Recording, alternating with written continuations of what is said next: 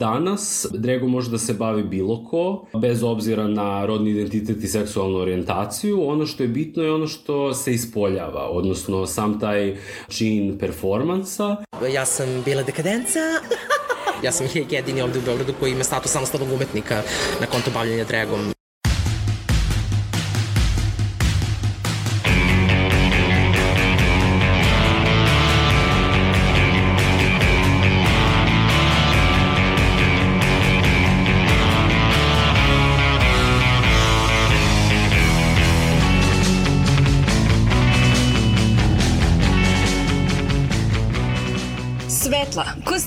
Performans, muzika, kabare, elementi su drag scene, ne samo u Srbiji, već i u čitavom svetu. A kako ćemo uskoro čuti, tu su i klasne razlike između drag performera. Uz to, neprihvatanje na umetničkoj sceni, ali i vanje, jer ljudi i dalje ne razumeju drag kraljice i kraljeve u celoj lepezi poruka koje im pružaju. A tu je humor, političke poruke, pa i zabava. Slušate još jednu epizodu podcasta Reagu i nezavisnog društva novinara Vojvodine. Ja sam Sanja Đorđević, menjam Ivu Gajić koja je trenutno na odmoru, a tu su i Irena Čučković, Sanja Kosović i Aleksandra Bučko. Puštamo vam i zvučne biografije drag kraljica sa kojima smo razgovarale. Kako je jedna od sagovornica, Markiza de Sada, rekla, postoji par nas koje smo fenomenalne i koje znamo šta radimo i govorimo. Zato smo htele da vas upoznamo sa njima. Ali pričamo i o nekoliko ključnih problema. Status drag kraljica i kraljeva, položaj na sceni, pa i razumevanje draga. Za početak, uvod u drag. Razgovarala sam sa Nikolom Planojevićem iz organizacije Da se zna. I odmah na početku da objasnimo da drag kraljice i kraljevi ne moraju da budu iz kvir zajednice. Drag kraljevi i drag kraljice ne moraju nužno da budu iz kvir zajednice, ali uglavnom jesu. I bitno je naglasiti da je drag kultura i nastala kao deo nečega što je kvir kultura, ili ako ne kvir kultura, sama aktivnost umetnička po znacima navoda je kvir, odnosno karakteriše se tako zato što se suprostavlja nekim normama i standardima nekog tradicionalnog društva ili nekih društvenih normi. U tom smislu, ako uzmemo nešto odakle je drag počeo, recimo, a to su bili gej muškarci koji su se um, oblačili u žensku odeću ili performirali ženske likove sa različitim naglašavanjima neke ženstvenosti ili karakteristika koji su uglavnom feminini. Mi tu već u samom tom činu možemo da vidimo suprostavljanje nekim normama društva, tradicionalnog ili konzervativnog u tom smislu. Danas drego može da se bavi bilo ko, bez obzira na rodni identitet i seksualnu orijentaciju. Ono što je bitno je ono što se ispoljava, odnosno sam taj čin performansa. Često je razlog neprihvatanja nerazumevanje. Zato ćemo na početku još malo da posvetimo pažnju upravo tome. Ako drag kraljice i kraljevi ne moraju da budu iz kvir zajednice, ali se ipak oblače u žene ili muškarce, da li su onda oni transrodne osobe ili transvestiti? Andrej Ostroški, odnosno dekadenca, to ja jako lepo objašnjava. Plastično čak, da bi mogli brzo i lako da shvatimo. Pa dobro, to je pitanje koje često ljudi postavljaju i zapravo dosta i pripadnika LGBT populacije nije čak u potpunosti informisano, tako da je u redu ponoviti ovako neke stvari.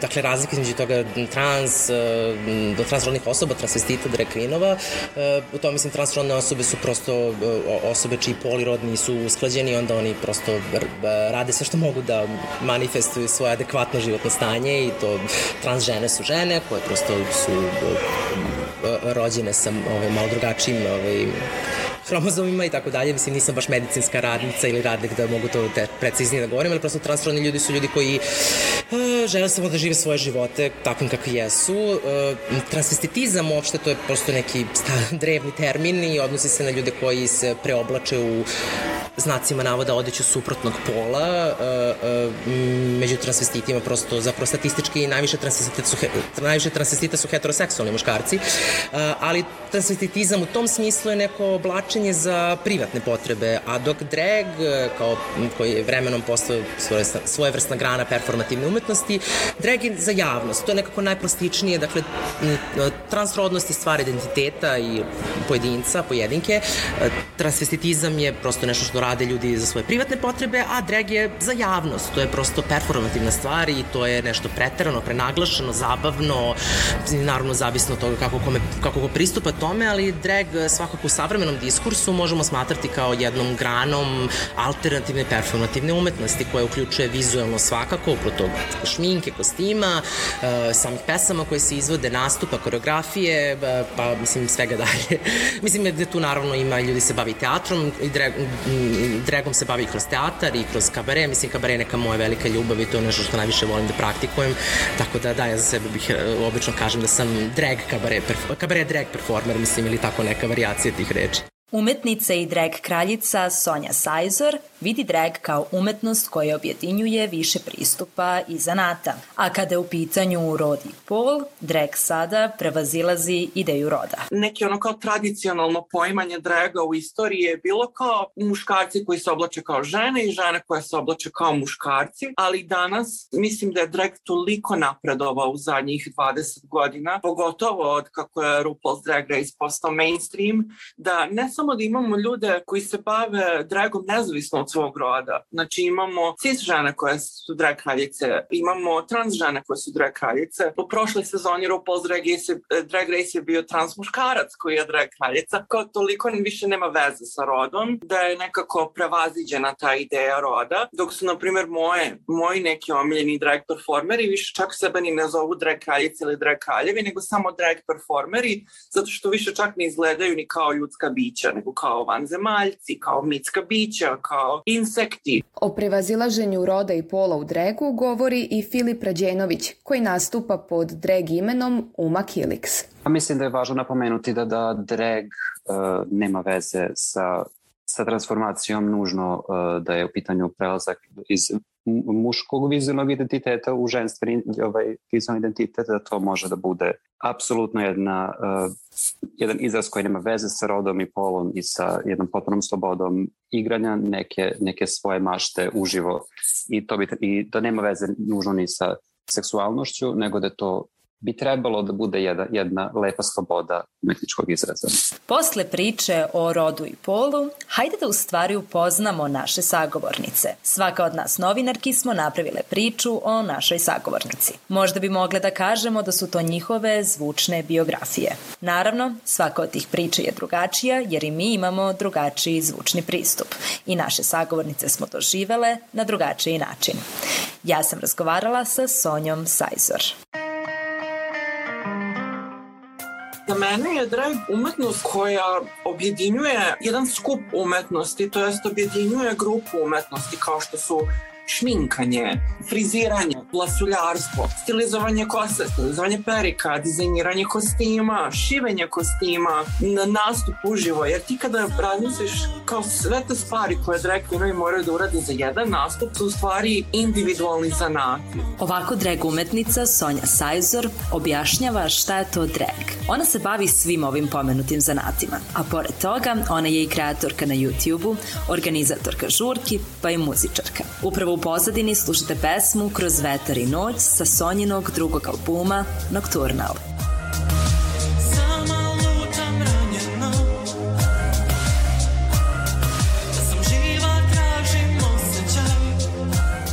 Kojom god umetnošću sam se bavila, jedini cilj je za mene bio da ja izrazim tu neku svoju ludost. Tu neku ideju koju imam u glavi, bila to ideja za kostim, bila, bila to ideja za pesmu koja može se snimim, bila to ideja za spot, bila to ideja za uživo nastup. Ja nekako uvek imam ideju, a inspiriše me sve od mene jer konzumiram puno umetnosti. Uvek imam neku ideju i prosto kad imaš ideju, prosto te boli to, onako peče da ostane, onako da propadne, da nešto ne stvoriš od toga. Moment koji je Sonju posebno inspirisao da se bavi dragom još tokom odrastanja, kaže da je bio kad je na televiziji videla pevačicu u spotu benda Scissor Sisters Kiss You Off. Ja sam tad videla nju u tom spotu gde ono nekom futurističkom make-up salonu i onako deset nekih šminkirki koji nju kao šminkaju. I ja sam toliko bila inspirisana tim spotom da se svako veče zaključavam u WC-u i kradem maminu šminku i da se šminkam i da se igram sa šminkom. Pa sam takođe crtala na, je to kao bilo malo prihvaćenje da, na primer, na listu bloka crtam žene i onda da ih šminkam to lice koje sam nacrtala bojicama, kao to je malo prihvatljivije, ajde nije šminka i ne šminkam sebe, nego ja samo crtam lepo ženu, znaš. Tako da tako je počela šminka. Scenski nastup i organizacija žurki su je privukli posebno nakon završetka srednje škole, kada je još kao konobarica primetila da je većina žurki dosadna. I samo sam bila iz fazona, ja ovo mogu da radim bolje. I kao, ja mogu da radim ovo i da nosim lep kostim i da napravim super performance i da džuskam i da se povežem sa publikom i da bacam onako bombone ili nešto u publiku, da kao sa tom publikom, da se oni osjećaju kao da se povezali sa mnom i to se tako pretvorilo u posao koji sam ja radila šest godina. Tako je Sonja započela svoju drag karijeru još pre oko 10 godina. Na početku Sonja je bio samo alter ego, a nakon autovanja kao trans žena, persona Sonje prestale da postoji samo na internetu i na bini ja nisam znala šta su drag queenovi, šta su drag kraljici i tako dalje. Ja sam znala da me zanima scenski nastup i znala sam da ja želim da budem žena i na sceni i van scene. Tako da sam ja vremenom nekako samo učila da izražavam tu svoju kreativnost i svoj rodni identitet u isto vreme Upoznavanjem Sonje Sajzor krenuli smo u onaj uvod u drag koji želimo da vam predstavimo ovim izdanjem podcasta. A ako bolje da nas uvede od Dekadence, odnosno Andreja Ostroškog, koji stoji iza lika Dekadence, jedne od prvih drag kraljica u Beogradu.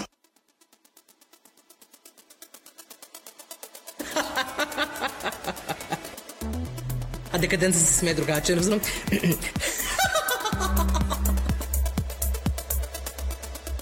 ona je lično za sebe i ona sebe doživlja na neke određene načine i prosto mislim e, njen melodika njenog glasa i gestovi i način na koji ona priča o stvarima je prilično drugačiji od onoga kako, na primjer, Andri to radi. Decenija dekadence je počela. Pa, ja sam malena bavim glumom od svoje sedme godine otprilike i radio sam svašta i na televizijama i davo glasovica crtanim filmovima i, i uh, ono, svašta nešto radi glumi nekim e, polu profesionalnim e, izvedbama muzikala i u suštini tako je počelo, ja sam bio u škole muzikla poz, nezavisnog pozorišta Le Studio koje je postojalo, koje je držao Jean-Baptiste Marigny, e, francuski režiser. I mi smo radili produkciju Chicago, muzikla Chicago i ja sam mesec dana po premijeru devojka koja je trebala da igra Mama Morton, upravnicu zatvora, nije mogla. I ove, tako ja uskočio, pa kao ja bih mogao tako se desilo da sam prvi put zapravo otvorila dekadenca na neki način i to je bilo sad e, pre tačno 10 godina. Kako se ja osjećam kada nastupam? To sve nekako iscrpljujuće i zahteva mnogo posla i rada i ne samo fizičkog nego i mentalnog i on sad ću napraviti digresiju o tome kako Markiza ja često da smatramo važan taj dijalog i mi smo ako ne u konstantnom dijalogu jedna s drugom, nekako u dijalogu sa samim sobom, zašto je ovo radim, zašto, zašto čime se, kako da doprinesem, šta da primesim ovim. Ali vrlo dobro zna šta radi i zašto to radi taj osjećaj da sam pred publikom i, i ta reakcija publike i ljudi i neke tako pojedinačne priče koje čujem na neke načine na koje saista nisam ni postavljao da će to što ja radim moći da nekome učini nešto lepo i da izazove neku dobrobit, to je nekako ono što me najviše ispunio. Najvažnija je publika. Živimo za publiku. Dragstone u Srbiji, e, kad sam, kad, ja kao dekadenca, kad sam počela da radim to pre 10 godina, jer ja sad u junu obeležavam svoju ovaj, desetu godinu rad, bavljanje dragom, bilo je nas troje, Sonja Sajzor, Markiza de Sada i ja dekadenca. Trenutno u Beogradu ima skoro 50 drag performera, tako da i nekako publika je sve šira i veća, tako da kritična masa nekako se dešava. Dekadenca i Markiza de Sada su saputnice i često vole zajedno da nastupaju. Hajde da sada upoznamo mu i Markizu de sada. Moram da priznam da je ona zaista ostavila veliki utisak na mene. Ja samo živim, ja samo postojim. Ona je odvažna. Ja sam prisutna uvek u vašim glavama, u vašim snovima, u vašim istorijskim učbenicima, u vašim notesima, u vašim telefonima, pa čak ponekad i na vašim malim ekranima. Prosto ja sam jedan entitet. Domišljata i humoristična. da, da. Ona je Markiza de Sada. Ja sam čitava jedna istorija, čak su nekada rekli i da sam prisustvovala povezivanju prve Biblije. Možete da zamislite koliko je to dramatično bilo. Pa znate šta, ja sam biološka žena, prema tome ja ne bih baš bila kadra da vam odgovorim, ali budući da poznajem neke koji se često kostimiraju i zapravo stavljaju sebe u nekakve uloge, rekla bih drag podrazumeva množinu, da drag jeste nekakav prostor koji generiše i kultiviše različitosti u svakom mogućem smislu. Smatram da drag sa sobom nosi jednu odgovornost i da drag kao alatka može biti korisna da se o nekim stvarima u javnom prostoru otvorenije govori nego inače. Gde je drag, tu su i nastupi i performansi. Tada se dešava revolucija! da, da. Ja jednostavno uživam u javnim nastupima, ja volim da se ljudima obraćam, a uvek nastojim da kroz svoje nastupe budem koliko humoristična, toliko i politična. Meni je zapravo ta vrsta komunikacije s publikom veoma važna i ukoliko apsolutno mogu da doprinesem razumevanju nekakvih ideja i koncepata, rado ću uvek to učiniti i u tom smislu sebe vidim i kao nekakav edukativni glas, ako to uopšte i moguće. Ono što mene uglavnom tangira jeste nekakav cinizam i nekakva društveno-politička artikulacija koja je po mom mišljenju jedino moguća uz pomoć humora. Jer, znate, u ovoj brzini svega u kojoj živimo zaista je jako teško shvatiti neke stvari ozbiljno. Inspiracije nikad dosta, nailazi mi na svakom koraku, nećete verovati gde po nekakvim baštama, u nekakvim čudnim maštama, nekakvim Gulliverovim putovanjima, lisinim zemljama u čudesa i tako, eto, prosto ima jako puno inspiracije. Puno pozdrava od mene iz švajcarskog manastira Markiza de Sada, samo za vas. Ona objašnjava kako drag može biti jedan veoma važan instrument, prostor u kom možemo da skrenemo pažnju na određene stvari o kojima se malo ili nimalo priča. Ja nisam sigurna da sam ja drag kraljica, ja bih pre rekla da sam ja entitet koji sticajem okolnosti sa sobom nosi zbir različitih uh, ponašanja, ako želite, koji jednostavno najpre streme ka nekakvom femininom, a ponekad i maskulinom principu. Ali ne bih se bavila klasifikacijom vla, same sebe, neka to čine neki vrli mislioci, filozofi, pa valjda će istorija nešto napisati o meni, kao i o nekim drugim ženama koje su bile decenijama isključene iz svakakvog kanona. Ha, to je tako kada muškarci pišu istoriju i kada jednostavno žene samo isključuju. A s tim u vezi možda bi zapravo ovaj odgovor bio podesan u relaciji sa tim isključivanjem. Dakle, mislim da je Drag jako podesan da se zapravo nekakvi delovi istorije reatribuiraju, ako sam ovo uopšte ispravno rekla, ali nije ni bitno, publika me ne voli, pa što god kažem, to je zaista milo zvučno. Bilo kako bilo, dakle, ta nekakva rekontekstualizacija je jako važna iz, iz domena kvir i, i, i feminističke perspektive.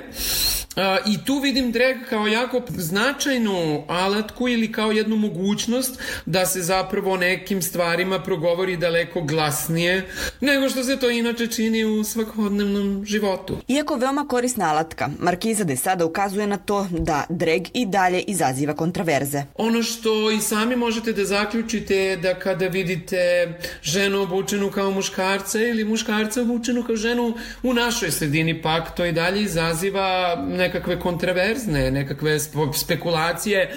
Zapravo to se i dalje smatra tabuom. Ja i dalje ne razumem zašto. pa to su ljudi radili i 20. 30. godina, a zabeliženi su i slučajevi preoblačenja u nekim drevnim kulturama decenijama, vekovima pre svih nas. Prema tome, u ovom trenutku kada zapravo se suočavamo sa potencijalnim trećim svetskim ratom, ekološkom katastrofom i mnogim drugim problemima koji nas čine sasvim sigurno nesigurnim i, i, i zapravo kako bih rekla, sasvim dezorijentisanim, smatram da drag sa sobom nosi jednu odgovornost i da drag kao alatka može biti korisna da se o nekim stvarima u javnom prostoru otvorenije govori nego inače.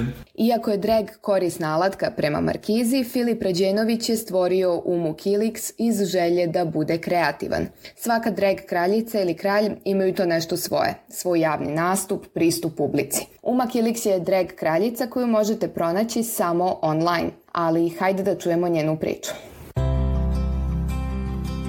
Za mene lično drag predstavlja jedan, jedan kanal za moju kre, za kreativnost koja je meni uvek bila zanimljiva, a to su bile i transformacije i, i, i šminka i kostim, pošto ja sam, pre, ja sam prvenstveno fotograf i grafički dizajner, ilustrator i prosto sam uvek nekako volao da, da stvaram stvari i da, i da fotografičem zapravo portrete.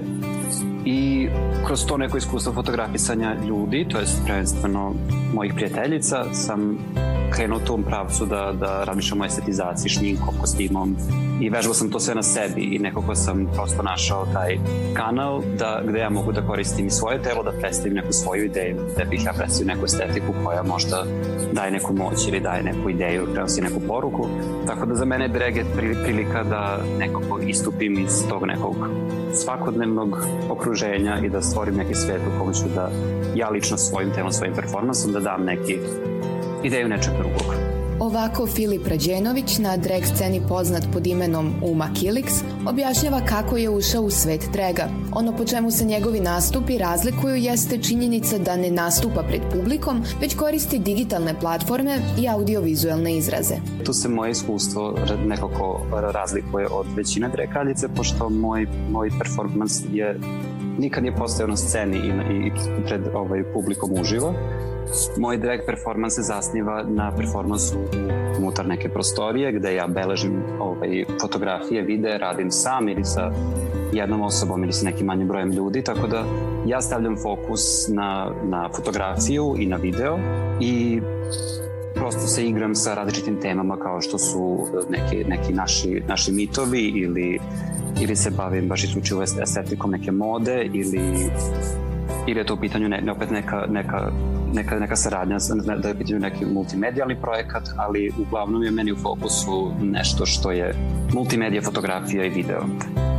Možda baš zbog činjenice da u njegovim nastupima nema direktne interakcije sa publikom, Filip kaže da se do sada nije susretao sa negativnim komentarima ili predrasudama od reku. Uglavnom se moj rad može pratiti samo kroz online objave fotografije i videa i uglavnom uglavnom, ako sam dobio neke čudne komentare, to su bili ili neki ljudi koji ne znaju kako da, da, da, da, da nekako otkriju svoj identitet, pa su nekako imali neka neobična pitanja, ali uglavnom nisam dobio nikakve negativne, to nisam uopšte dobio negativne komentare ovaj, na svoj rad i na, na to što, što postavljam, tako da nekako mm, nisam doživao da neko ima neku predrasudu prema meni, možda zato što prosto nisam imao toliko užive interakcije sa, sa većim brojem ljudi u dregu. Zabave, humora, kaberea pa i obraćanja pažnje na određene probleme u društvu protkanim umetnošću, performansom ili humorom stoji ona loša strana. Andrej Ostroški objašnjava kako voli sve strane drega, i zabavni i umetnički. I pred kraj izjave skreće pažnju na veoma važnu stvar, na to koliko je drag priznat kod nas i zbog toga kakav je status drag kraljica i kraljeva. Prosto ja, ja volim, mislim baš upravo ta isto neka polemika oko draga, da li je to umetnost, da li je to samo show business, da li je to mm, ništa ili sve, ili kao što bi rekla koleginica naša iz Zagreba, Kolinda Evangelista, uh, drag je sve i ništ. Uh, uh, u tom smislu ja nekako, ja volim i tu show business, entertain, entertainment, fa, da ne kažem zabavnu uh, stranu draga, ali s druge strane takođe isto volim da se bavim i dalje i kabareom i pozorištem i nekim uh, kontemplativnijim umetničkim projektima. Markiza i ja smo zajedno nastupale baš prošle godine u Bioskopu Balkan u okviru uh, otvaranja izložbe proširene sekcije, ulusove sekcije proširenih medija, gde smo izvele baš performance, performance, gde smo mi to naravno kroz drag i kroz to neko kvir čitanje, pošto je tema bila zenitizam i 100 godina od objave prvog broja časopisa Zenit, pa smo mi dali neko kvir feminističko čitanje svega toga kroz naš neki performance. Tako da, da, mislim, na primjer, ja imam, e, ja sam jedini ovde u Beogradu koji ima status samostalnog umetnika na konto bavljanja dragom, što je ove, lepo i praktično. Ali da, tako da, od umetnosti do zabave pa nadalje. Andrej Ostroški kao dekadence je jedini u Beogradu koji ima status samostalnog umetnika. Nikola Planojević iz udruženja Da se zna ide dublje i objašnjava da je mnogo drugačija situacija izvan Beograda pa čak i Novog Sada. Htio sam da kažem samo da je situacija takođe drugačija za Beograd i za ostatak Srbije. Pored Beograda je jedino znam da u Novom Sadu postoji određena drag scena. Naravno to bi bilo, mislim, ne mogu da kažem nemoguće, ali kao baviti se dragom van ova dva grada mislim da je ravno velikom aktivističkom činu i mislim da bi moralo da se nekako probija led, veoma debeli led da bi, da bi to zapravo moglo i da funkcioniše na nekom stalnijem nivou. Na sreću u Beogradu i u Novom Sadu već nekoliko godina unazad, ja bih rekao od 2017. 18. mi imamo veliku drag scenu i drag scenu koja konstantno raste, što je veoma, veoma pozitivno. Upravo na to mi je skrenula pažnju i Markiza de Sada. Klasne razlike u drag zajednici. Bilo kako bilo, ja zaista nisam sigurna da zaista svaka drag performerka, dakle, ili performer, žena ili muškarac koji stoji iza tog karaktera kostima, razumeju šta zapravo to uopšte znači u nekom širem društvenom smislu, sem da je to naprosto nekakav potencijalan izvor zarade. I u tom smislu ne možemo mi govoriti da je to per se ekspresija ili manifestacija nekakvih političkih stavova, ali svakako može biti. Ima vrsnih performera, evo pogledajte baš konkretno u američkom kontekstu, čuvenu performerku koja je bila velika zvezda filmova Johna Watersa Divine. Ona je bila veoma politična, iako to nije bilo artikulisano na nekakav najočigledniji način u vidu nekakvih parola ili kako god. Ali jednostavno to, to radikalno ponašanje, ta radikalna ekspresija telesna i zaista svakakva druga je jeste bila u svojoj biti politička. Ima primjera samo što ih uh, m, samo što su oni daleko manje vidljivi od onih koji zapravo obitavaju u domenu popularne zabave i činjenice da drag jeste maksimalno komodifikovan. Znate, sada je drag svugde, sada je to popularna stvar, znate se o tome govori, pišu se tekstovi, bog zna kakva istraživanja. Ali zapravo ono o čemu se apsolutno ne piše kakva su stvari politička ubeđenja tih performera, o čemu oni e, razmišljaju i bave se u svojim svakodnevnim životima iza svoje maske i na koji način se komuniciraju problemi poput recimo klasnih razlika koji su očiti u okvirima same takozvane drag zajednice. Sonja Sajzor pak objašnjava da je drag i dalje u undergroundu u Srbiji. Ona kaže da upravo zbog nerazumevanja drag kulture od strane šire javnosti, ona preferira da drag ostane tamo. Iako je underground, Sonja kaže da drag kultura trenutno vlada alternativnom scenom Srbije. Ja mislim da je drag sada uh, vlada alternativnom scenom. To bih rekla. Mislim da je to slučaj. Nismo u mainstreamu, nismo baš na televiziji, nismo baš u novinama.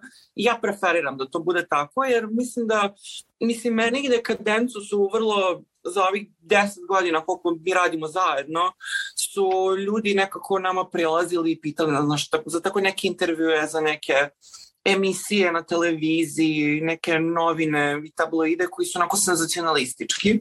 I mi smo prosto to odbijale zato što smo bile iz fazona ti ljudi neće razumeti šta mi radimo. Oni će samo biti iz fazona kao vidi ovu tranđu, obuko se, vidi ovog tranđu, obuko se u žensko. Znaš, kao njima je samo taj senzacionalistički aspekt interesantan, tako da ja preferiram da mi ne budemo u tom mainstreamu dok to ne bude urađeno na neki uh, tasteful način, na primjer kao kad bi postojala srpska verzija Drag Race ili tako nešto. Ili, na primjer, Vice je snimao dokumentarac o meni 2017 i baš je to uradio onako sa ukusom. Znači, moj drag je prezentovan kao umetnost, moj aktivizam je prezentovan kao borba za ljudska prava, nema tog senzacionalističkog momenta. Oni su snimali ono kao proces kako moj gitarista i ja komponujemo pesmu, sve baš onako lepo prikazano koliko kreativnosti ulazi u to što mi radimo. Tako da ja mislim da je drag trenutno ni u mainstreamu, u undergroundu i dalje, ali vlada tim undergroundom. I ja preferiram da to ostane tako. Markisa de sada stavlja drag kraljice i kraljeve u marginalizovane grupe. I zaista, potrebno je više prostora i razumevanja od strane profesionalaca i iz drugih oblasti. Ja sam biološka žena, prema tome ja ne bih baš bila kadra da vam odgovorim, ali budući da poznajem neke koji se često kostimiraju i zapravo stavljaju sebe u nekakve uloge, rekla bih da su i dalje dosta nevidljivi kao i neke druge marginalizovane grupe u ovom društvu i da zapravo sve to što oni rade nije i dalje zapravo obrađeno na adekvatan način te stavljeno u nekakav kontekst recimo izvođačkih umetnosti ili kako vam drago. Svakako bi bilo zgodno da se i profesionalci iz nekakvih drugih oblasti malo uključe, da malo budu aktivni i da u tom smislu pruže više prostora razumevanju toga šta je zapravo taj performativni izraz, čemu on služi i ko su zapravo ti ljudi koji stoje iza njega. Dragoslavija, možda jedan od načina da se drag scena malo proširi ili da se zaista vidi sav potencijal koji drag ima u sebi. Sada je došao red da upoznamo Dragoslaviju. Andrej Ostroški, Dekadenca je glavni organizator i priča nam o njenom nastanku. Dragoslavija kao jedan neformalni umetnički regionalni kolektiv počela da postoji pre dve godine um, kada je jedna grupa slovenačkih drag performera uh, kada je krenulo celo zaključavanje celog sveta je odlučila da na, oni su odlučili da naprave online show i shvatili su tom prilikom da bi mogli zapravo da uključe i ljude iz regiona i tako su se povezali sa nama primarno to su bile Mentalika i Erik Deger iz Ljubljane u svakom slučaju dakle oni su pokrenuli tada Dragoslaviju to je bilo prva Dragoslavija je bila 1. maja 2020 onako za praznik rada i tada je nastupilo desetak nas i od tada naredne dve godine napravili smo oko 17 online show programa u kom je učestvovalo skoro 50, oko 50 umetnika iz celog regiona i da, nekako napravljeno sa ciljem da se mi umrežimo i povežemo i nekako da u toj, posebno u toj situaciji kada nismo mogli uopšte da, da izlazimo i da radimo nešto uživo pred publikom, da nekako stvaramo i dalje našu drag umetnost. I tako nakon te dve godine, kako je malo počelo da se otvara ovaj, ceo svet pa i ovaj, balkanski region, uh, mi smo prošle godine prvi put gostovo, kao prvi put uživo kao Dragoslavia bili u okviru Queerhana festivala u Sarajevu, u organizaciji Sarajevskog otvorenog centra, pa smo onda u oktobru u Ljubljani napravili prvi Dragoslavija live, uh, gde je bilo nas nekoliko tu iz Beograda, iz Crne Gore, iz Hrvatske i, iz Slovenije i evo sada smo se odlučili na ovaj malo ambiciozniji projekat da um, napravimo Dragoslaviju live u Beogradu na kojoj će učestvovati oko 20 performera iz celog regiona. da, tako da, eto, tu smo i stvaramo zajedno. To je nekako bio cilj, da se povežemo u moto u Dragoslavija, to je sestrinstvo i jedinstvo.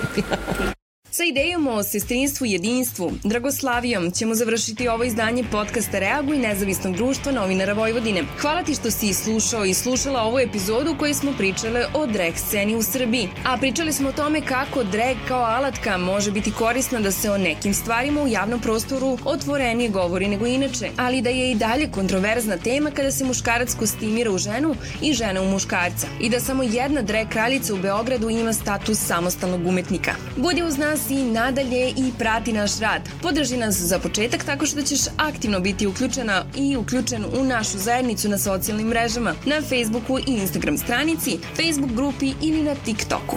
Možeš nam, na primjer, napisati svoje utiske o epizodi, iskustvo ili predloge tema. Naš rad možeš pratiti na kanalima podcast.rs, Sounder, Spotify, Google Podcasti i Deezer.